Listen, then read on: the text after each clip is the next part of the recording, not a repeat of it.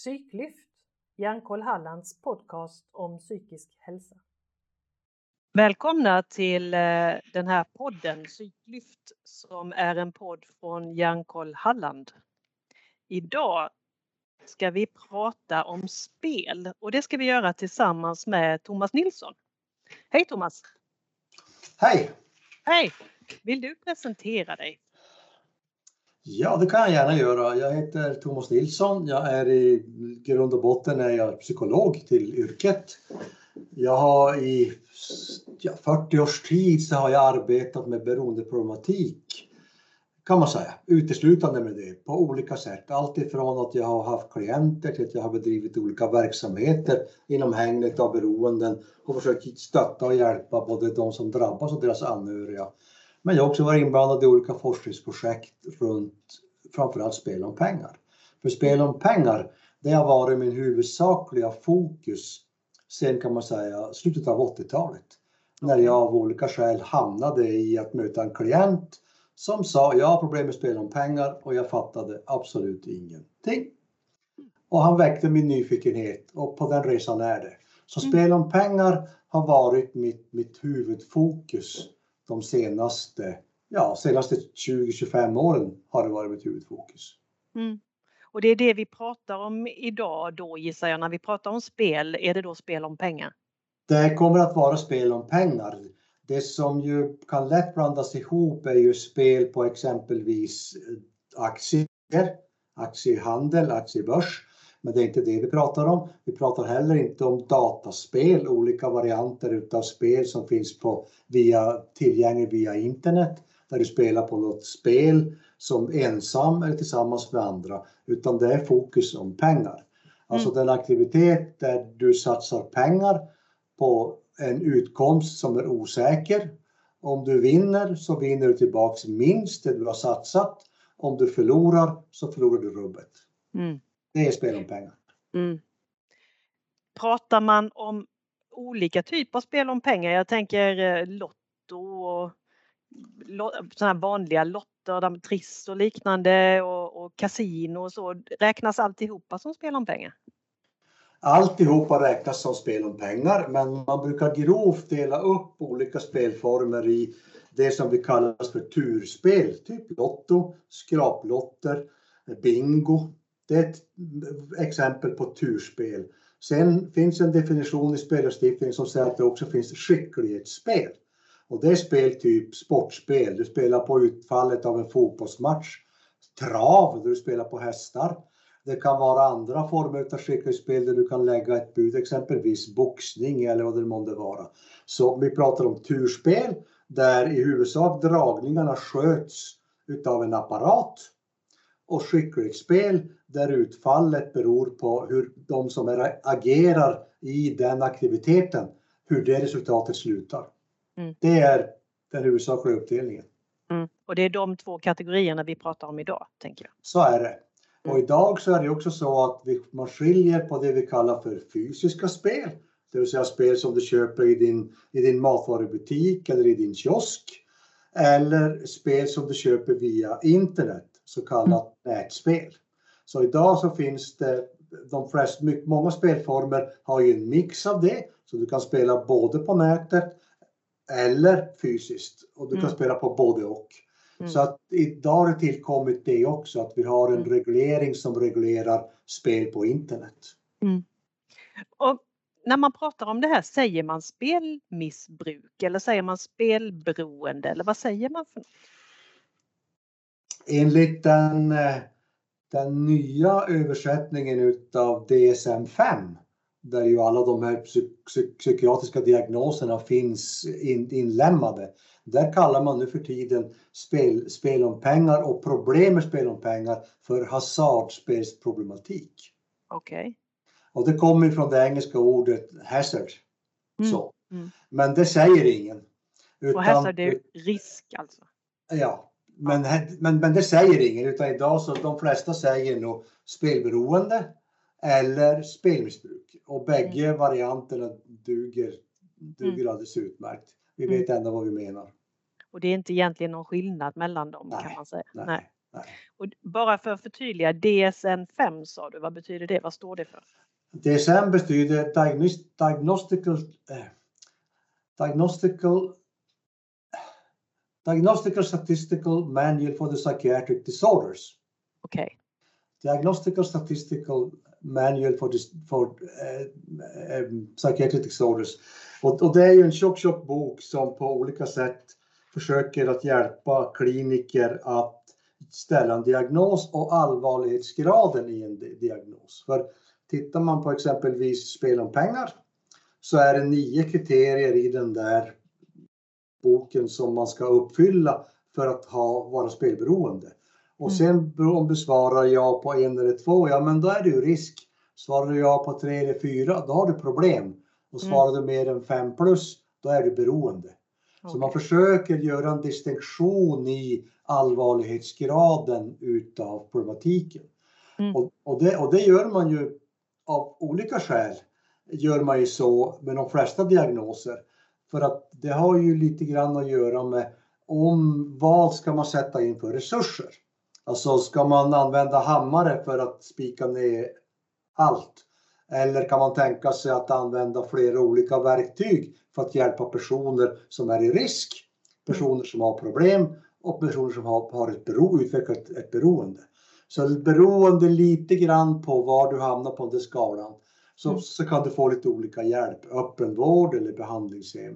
Men också är, är det ju viktigt utifrån perspektivet, utifrån ett samhällsperspektiv. Alltså, hur ska vi bedriva preventionsarbete? Och hur ska det preventionsarbetet bedrivas? Mm. Och idag så bedriver ju, har vi olika definitioner för primärprevention, sekundärprevention och tertiärprevention. Kan du Så- förklara, det- förklara det lite för den som inte vet vad det är? Primärprevention innebär ju att man från samhällets sida arbetar mycket med information, exempelvis som hjärnkollen. Alltså att man pratar om psykisk ohälsa och försöker informera om psykisk ohälsa, riskerna för att utveckla psykisk ohälsa. Så primärprevention handlar ju väldigt mycket om att informera, att utbilda aktörer som arbetar inom, inom de här olika områdena. Eh, och att också erbjuda så låg grad utav intervention som möjligt för att hjälpa människor. Mm. Prim, sekundärprevention, då börjar vi plötsligt prata om att vi gör någonting för att stötta och hjälpa dig. Det kan vara att du får hjälp med budgetrådgivning. Det kan vara att du får, får hjälp, medicinskt stöd för någonting som du har problem med. Det kan innebära att du får en samtalskontakt på din hälsocentral. Alltså vi försöker lägga interventionen för att stötta och hjälpa dig på så låg nivå som möjligt av en rad olika skäl. Och ett skäl är förstås kostnadsskäl. Men det andra är att det behövs inte alltid. Tertiär prevention, då, då pratar vi personer som har det riktigt, riktigt jobbigt och som kanske behöver ett behandlingshem, kanske behöver mycket stöd och hjälp utav hemtjänst eller vad det månde vara. Så att graden utav insatser regleras utifrån problemets allvarlighetsgrad men också hur vi tänker om vad som är nödvändigt att göra för att hjälpa just dig. Mm. Och, och, då, och då är ju huvudprincipen är ju att egentligen oavsett vilken problematik du har så börjar man på så låg nivå man kan för att se om det hjälper. Om inte Mm. det hjälper, då trappar vi upp interventionerna för att kunna hjälpa dig.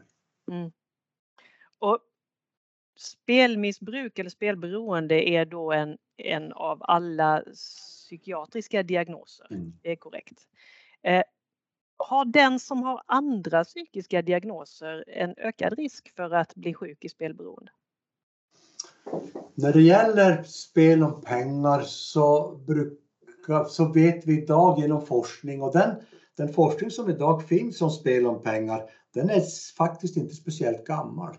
Man kan säga att ett, ett, ett någon sorts eh, brett forskningsfält för spel om pengar det, det startade någon gång på 90-talet. Före det så var det väldigt spridda rapporter om om spelmissbruk. Det fanns kliniska berättelser om spelmissbruk.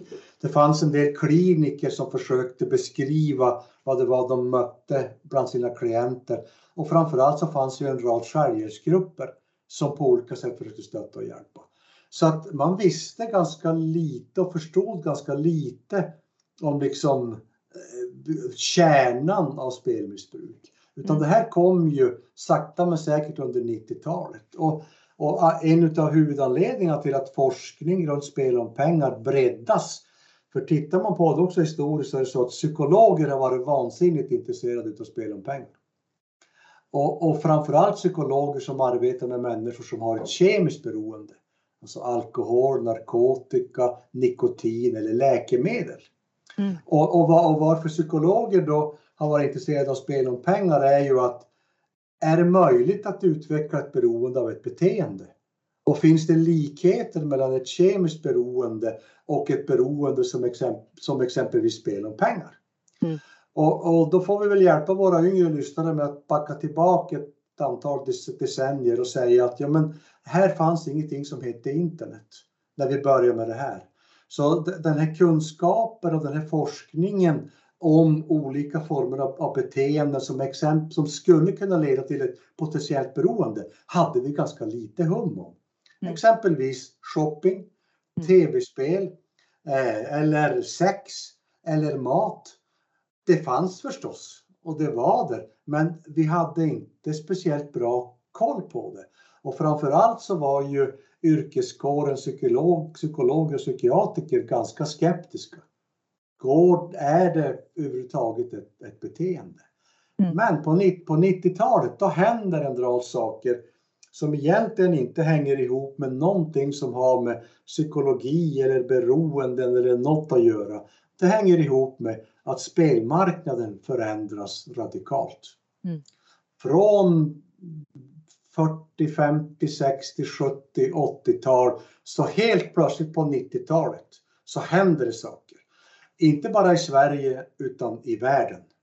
Och det som händer är att världen hamnar i någon form av ekonomisk ras och morän. Räntorna stiger, arbetslösheten ökar och det blir olika former utav kaos. Och då börjar uppfinningsrika finansministrar att fundera över var kan vi dra in pengar som egentligen inte befolkningen knorrar så mycket över. Och så startades det en rad olika initiativ där man såg intäkter från spel om pengar som en källa in i statskassan. Mm. Så i, i, i mitten på 90-talet så händer en rad olika saker i Sverige. Ett, vi inför statliga kasinon. Två, vi placerar ut spelautomater på, i barer och restauranger. Och sakta men säkert så börjar spel på internet att bli, bli en realitet. Så spelformer förflyttas in i nätet. När, när regeringar runt om i världen beslutar sig för den här färdriktningen att använda spel om pengar som en inkomstkälla för att finansiera olika saker i statsbudgeten. Så kommer ett ramaskrig från många forskare som säger att ja, men då behöver vi också pengar för att ta reda på vad konsekvenserna blir av det här. Är de positiva eller de negativa? Och mm. där startar forskning om spel om pengar på allvar och brett så det blir inte bara forskning som handlar om psykologin runt spel om pengar utan sociologin, ekonomin, mm. pedagogiken, mm. datalogi, alltså den rad olika saker växer fram mm. i, det här, i det här hängnet. Så man kan säga att den riktigt, den forskning som vi lutar oss emot när det gäller spel om pengar, den börjar på, på 80-talet. Och när man då börjar att få koll på det här genom longitudinella studier och prevalensstudier, alltså där man tittar på hur stor del av andel av befolkningen har någon form av problem med spel om pengar. Då börjar det ju sakta också ticka ut vilka spelformer de har problem med, vilka de är mm. och hur mycket pengar de spelar för och mm. vad de gör på dagarna. Så sakta men säkert så kommer en rad olika, olika saker fram där. Och man kan säga att huvud... Om vi då vrider oss mot folkhälsa så kan man ju säga att tre saker dyker, eller en sak dyker upp rätt, rätt signifikant. Och det är att när man tittar på gruppen som har problem med spel om pengar så brukar man säga att det finns i grovt sett det finns tre grupper. tre ganska tydliga grupper men det finns inga riktigt skarpa linjer emellan dem utan men tre grupper. Den minsta gruppen det är personer som har någon form av neuropsykologiskt handikapp. ADHD, ADHD, autism finns någonstans i det spektrat. De är en liten andel av de som har problem med spel om pengar men de är väldigt svåra att hjälpa. Det krävs mycket insatser för att hjälpa dem och då, då är ju inte spel om pengar egentligen den största insatsen som behöver göras. Den andra gruppen som jag i många herrans år försökte att få media att tona ner, det är de man kallar för spänningsspelare. Under många år så fanns det någon idé om att ja, men det är de här eh, männen, killarna som älskar spänning, som hoppar fallskärm och de gör ditten och datten. Det är de som är riskgruppen för spel om pengar. Och, och min och andras erfarenhet är att ja, de finns där.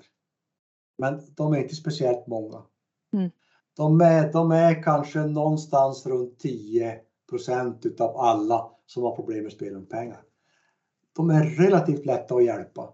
Det, det, behövs inte speciellt mycket insatser för att hjälpa dem och oftast så re, rehabiliterar de sig själva. Mm. Den stora gruppen som är förmodligen någonstans runt 70-75% av alla som har problem med spel om pengar. De använder spel som flykt. Mm. Flyktspelare.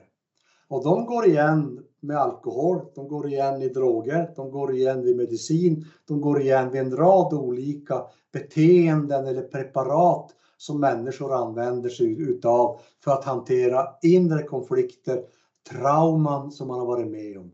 Och man använder spel i det här fallet som ett sätt att, att på något sätt försöka lindra den smärta man har inom sig. Mm. Och, och, det, och det vanligaste de här personerna berättar att de har problem med när man väl kommer i kontakt med dem, det är saker som skilsmässor. Skilsmässor startar processer hos människor som mm. de på olika sätt har svårt att hantera. Det är så, som att bli utan sitt arbete, att bli arbetslös. Mm. Som leder till en rad olika negativa konsekvenser för många. Det är depression. Att känna sig nedstämd, deprimerad. Och man letar efter något sätt att, att slippa de obehagskänslor som det innebär av att vara deprimerad. Och att känna sig ensam och att känna sig isolerad. Som ju är ganska typiska grejer som hänger med att vara deprimerad. Mm. Betyder det du säger nu att vem som helst som råkar ut för den här typen utav trauman i livet eller händelser i livet som river upp en invärtes skulle kunna bli spelberoende och drabbas av det här? Det, i, i, I teorin ja, men det krävs ju lite mer än så. Mm. Men, men det, det, krävs ju för det första att saker och ting är tillgängligt. Alltså ska du utveckla någon form av beroenden så måste ju saker och ting vara tillgängligt. Och det är väl en av de saker som har förändrats rejält mm. med, med tanke på spel, spel på nätet. Men det krävs ju också en rad andra faktorer för att utveckla ett spelberoende. Ungefär som om du tänker det om man lyssnar på personer som har utvecklat alkoholproblem så säger de ju att första gången jag drack då helt plötsligt kände jag bara att nu är jag hemma. Mm. Det öppnar sig en helt ny värld. Mm. Man blir trevlig, glad, social, man vågar göra saker och så vidare.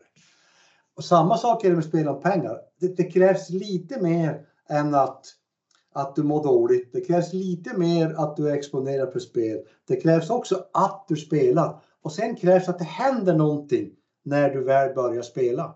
Krävs det en vinst för att bli beroende? Svar ja. Det som är det mest, det finns två signifikanta saker. De kan då, kan då tyckas motstridiga. Den, den ena saken som vi vet att de som har problem med spel om pengar berättar om det är att de vinner en stor summa pengar tidigt i sin spelkarriär. Och då finns ju en fixering vid summor.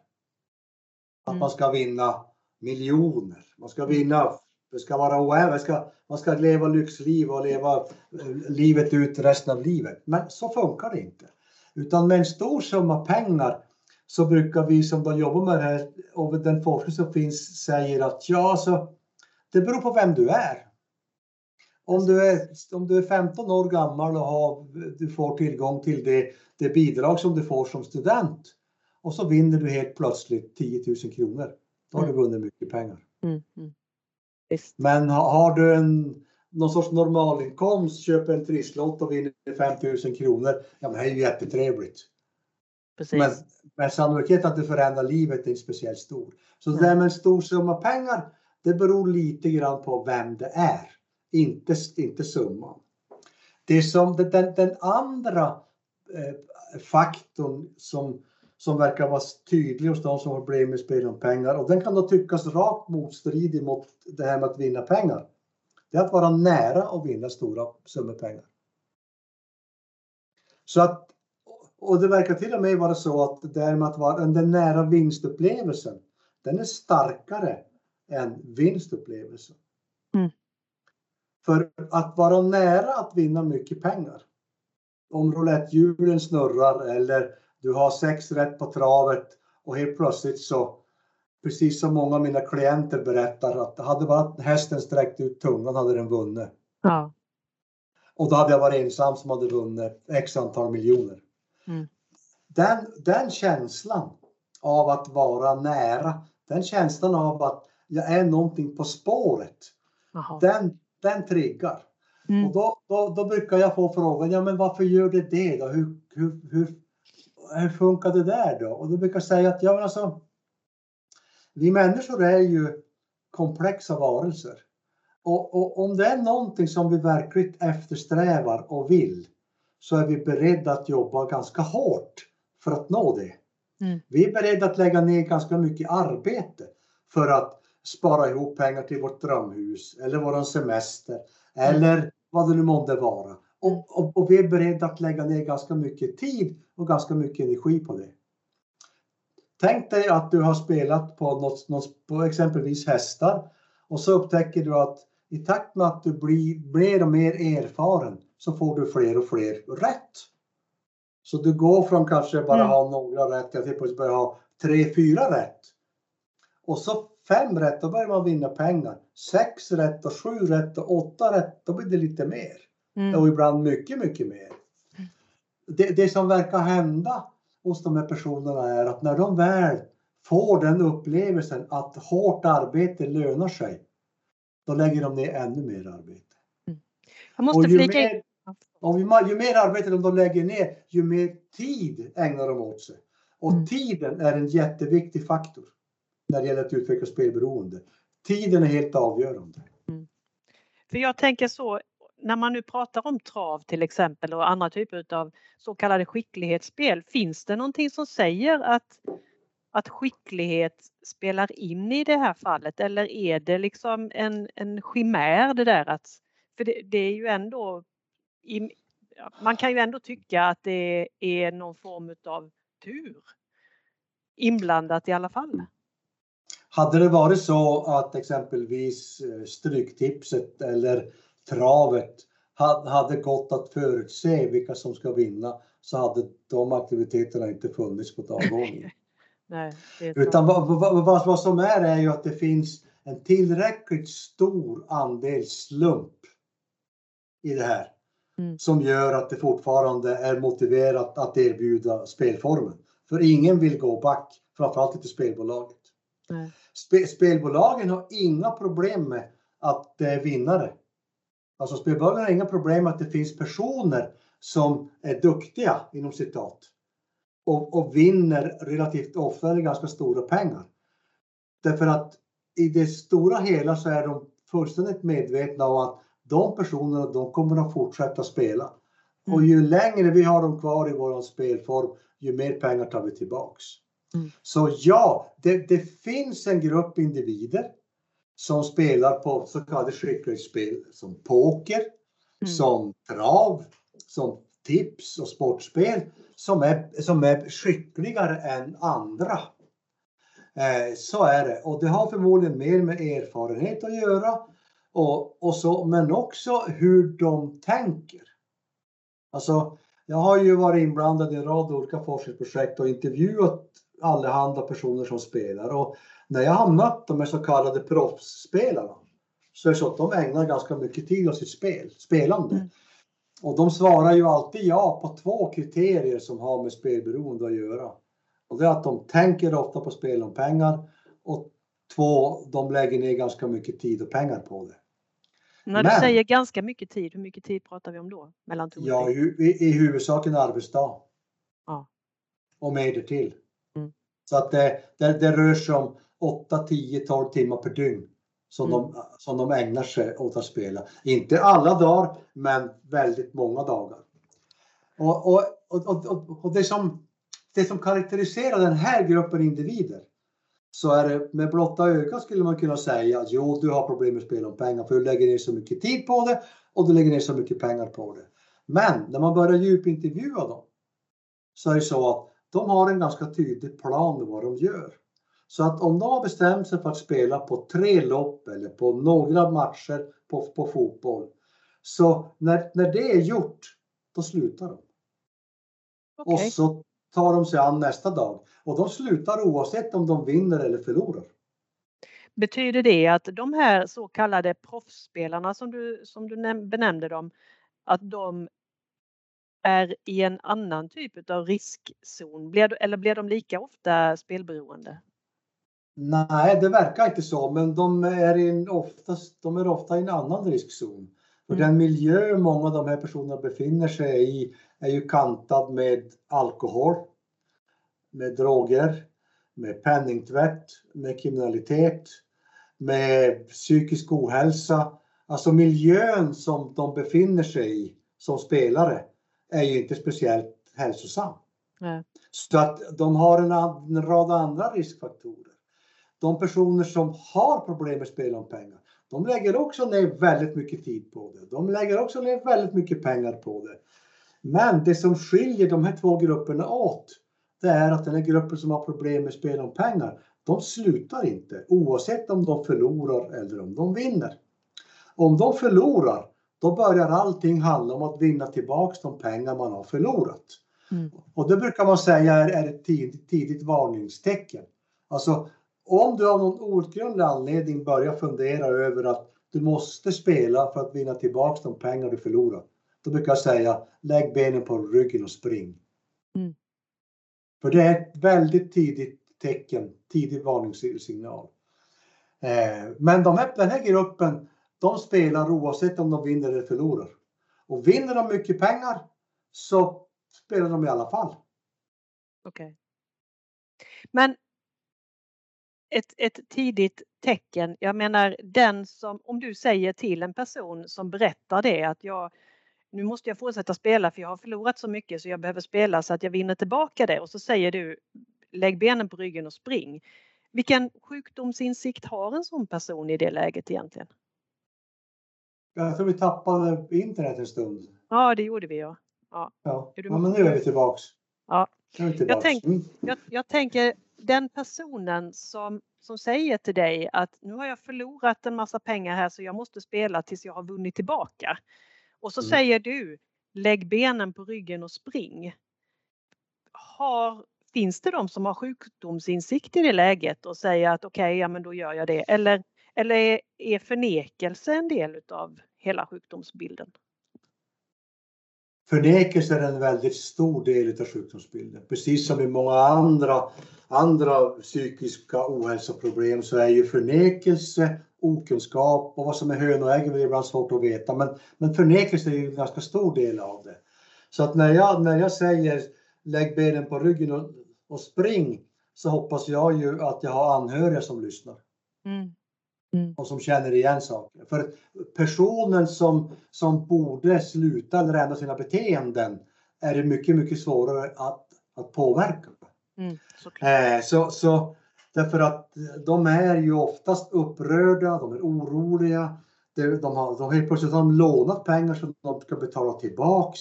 Alltså det händer en rad olika saker som leder till, till att, att deras psykiska hälsa sakta men säkert blir värre och värre.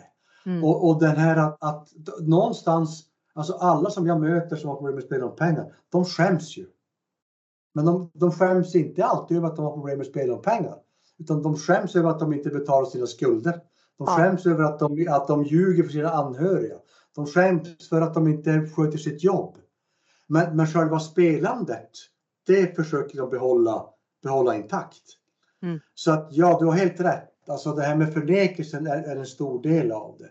Och, och, det är ju här då, när jag då i mitten på 90-talet gjorde ett vägval, för jag, jag gjorde ett vägval i mitten på 90-talet. Där jag, jag gav väl inte upp politiker och socialtjänst och andra, men efter att ha krigat mig hes med den här gruppen utav, utav organisationer och sådär, så tänkte jag att men vem, vem kan det vara som spelaren faktiskt lyssnar på? Och de lyssnade ju inte alltid på mig.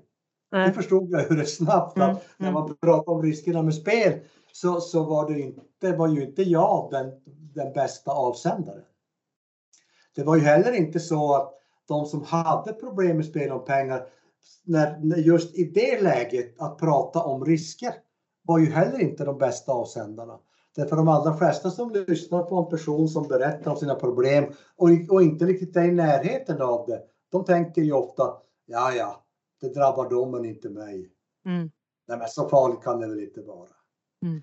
Så ja, jag tänkte att vem, vem är det som en spelare skulle kunna ta på allvar?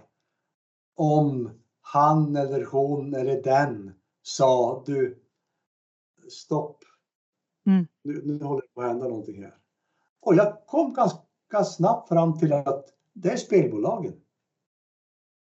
Okej. Paradoxalt, paradoxalt nog så kommer man ganska snabbt fram till att det är spelbolagen.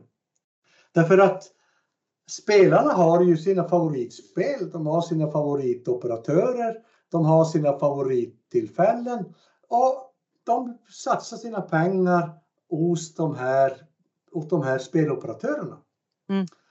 Och, och då började ju jag att försöka få speloperatörer att göra olika saker för att uppmärksamma de här personerna på att spel är riskabelt. Mm. Vi, vi försökte inte skuld, vi undvek att skuldbelägga, vi undvek att skambelägga, utan snarare, ja det finns en risk med spel, men nu är det, nu är, nu är det ju här och tycker att det är roligt med spel. Hur kan vi hjälpa dig att spela på ett sätt som du tycker är roligt och inte förlorar kontrollen och makten över ditt eget spelande? Vad blev... Och det har, ju, Ja. det har ju visat sig vara en rätt framgångsrik strategi. Eh, I det långa loppet har det visat sig vara det. Därför att idag så har ju hela spellagstiftningen som finns, inte bara i Sverige utan runt om i världen, den har ju helt plötsligt förskjutits. Så från att på något sätt vara någon form av vägvisare för hur speloperatörer ska liksom hantera sina spelformer och inte fuska och allt det där, så har ju spellagstiftningen också vridit till att handla mycket om det som vi kallar för, för spelansvar, alltså skydd för spelarna. Vad ska, ett, vad ska en speloperatör göra för att minimera riskerna? Och Mm. det finns idag i lagstiftning runt om i världen. Mm. Och, och faktum är att det har betydelse. Vad gör eh, spelbolagen då? Vad kan du ge något exempel på hur en spelare kan få en notis om att eh, vi, vi ser att eh, det kan finnas potentiella problem här? I Sverige och i Norge exempelvis så har man ju för det första infört att alla spelare måste ha ett, ett spelkort kopplat till ett spelkonto. Så oavsett om de spelar fysiska spel eller spelar på nätet så registreras allt deras spelande. Så speloperatören vet vad och när och hur de här personerna spelar. Men till det spelkontot är det också kopplat en rad aktiviteter som man som spelare behöver göra. Så spelbolaget, antingen så har spelbolaget gränser som säger att du måste sätta en gräns för hur mycket du vill spela för. Hur mycket pengar du vill spela bort per dag, per vecka, per månad. Mm. Du kommer inte i närheten av ett spel förrän du har satt en sån gräns. Eh, och det gäller både tid och det gäller pengar. Man har infört olika saker som handlar om att man kan stänga av sig. Man kan stänga av sig från spel helt och hållet. Man kan också stänga av sig från olika spelprodukter. Så att en rad olika saker, men också det, nästan det viktigaste av allt som spelbolagen gjorde tidigt och som idag finns i lagstiftningen, det är ju att de började att utbilda sin personal. Mm. Så personalen som arbetar på ett spelbolag, oberoende om de jobbar med marknadsföring eller ekonomi eller om de städar på ett kasino, spelar ingen roll. så ska man ha genomgått en utbildning som berättar om potentiella risker med spel om pengar och vad du kan göra för att minimera den risken mm. för personen som då nu finns hos oss. Och sakta men säkert har det här lett till någon sorts självspelande piano där, där, där speloperatörerna sakta men säkert ser att ja, men det här är ju faktiskt viktigt. Så att det finns en rad andra saker som också görs. Bland annat så har många spelbolag idag har en algoritm i, sitt, i sin databas. En algoritm som, som skannar av tidiga riskbeteenden och vi vet vilka de är. Vi vet vilka de tidiga riskbeteendena är. Den algoritmen skannar av och, så helt, och den gör det i realtid. Så helt plötsligt så säger algoritmen, men oj, du gick från grönt till gult. Det betyder att du har börjat att spela på ett sätt som ökar dina risker att få problem med spel om pengar. Och det kommunicerar man med spelarna. Mm. Via e-post eller via telefonsamtal eller via ett meddelande på deras konto. Och runt det här har man då byggt upp en rad olika saker för att minimera eh, riskerna med spel. Och, och det här är ju sånt som spelbolagen i princip har varit nödda och tvungna att göra. För det som också forskning då visar, när vi väl börjar att forska på allvar och djupstudera vilka det är som spelar, så är det för oss som jobbar med beroenden ingen större upplevelse av chock när det visar sig att 10% av de som spelar spel om pengar står för plus 50% av omsättningen.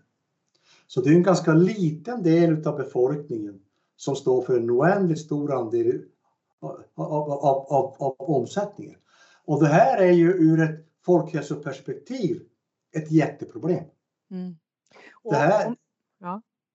Ja, om jag knyter, bara kopplar på det så hur stor andel av befolkningen rör det sig om egentligen? Hur vanligt är det med spelberoende? Man brukar säga att någonstans runt 2% av den vuxna befolkningen har någon form av problem med spel om pengar. Från små okay. problem till stora problem med spel om pengar. Och av de 2 procenten så är det alltså en väldigt liten andel som står för halva omsättningen. Ja. Det är, någon, det är någonstans runt 0,6-0,7 procent av, av den andelen som står för en oändligt stor andel utav det. Och det känner vi igen från alkohol till exempel. Alltså det är likadant där, att det är en ganska, en ganska liten del av befolkningen som dricker en oändligt stor andel utav omsättningen. Och där läste jag också på Folkhälsomyndighetens sida tror jag det var att omsättningen hos spelbolagen år 2021, alltså förra året, var 26 miljarder. Mm. Och det var efter vinstutdelningen. Så det, ja. det är alltså 13 miljarder vi pratar om som en väldigt liten andel av befolkningen står för. Så är det. Och, och, det, det, det gör, och det märks ju på olika sätt att det är så. Det märks ju bland annat i självmordsstatistik. Det vill säga vi, vi vet att de som har problem med spel om pengar är överrepresenterade i självmordsstatistiken. Mm. Vi vet att de är överrepresenterade vad det gäller depression. Vi vet att de är överrepresenterade vad det gäller skilsmässor. Därför att det handlar ju om pengar. Mm. Och, och, och det, det, är pengar på olika nivåer. Vi vet ju också att, att Kronofogdemyndigheten gjorde en utredning och det måste väl ha varit 2020 och sånt, 2019, 2020 där de konstaterade att 20% av alla som hade, gått i, hade ansökt eller hamnat i personlig konkurs hade gjort det på grund av spelmissbruk. Mm. Så, så det här är ju en liten grupp som ställer till med för sig själva, sina anhöriga, arbetsplatser, kriminalvårdssystem etc. ställer till med ganska mycket problem. Fortsättning följer. Missa inte nästa avsnitt.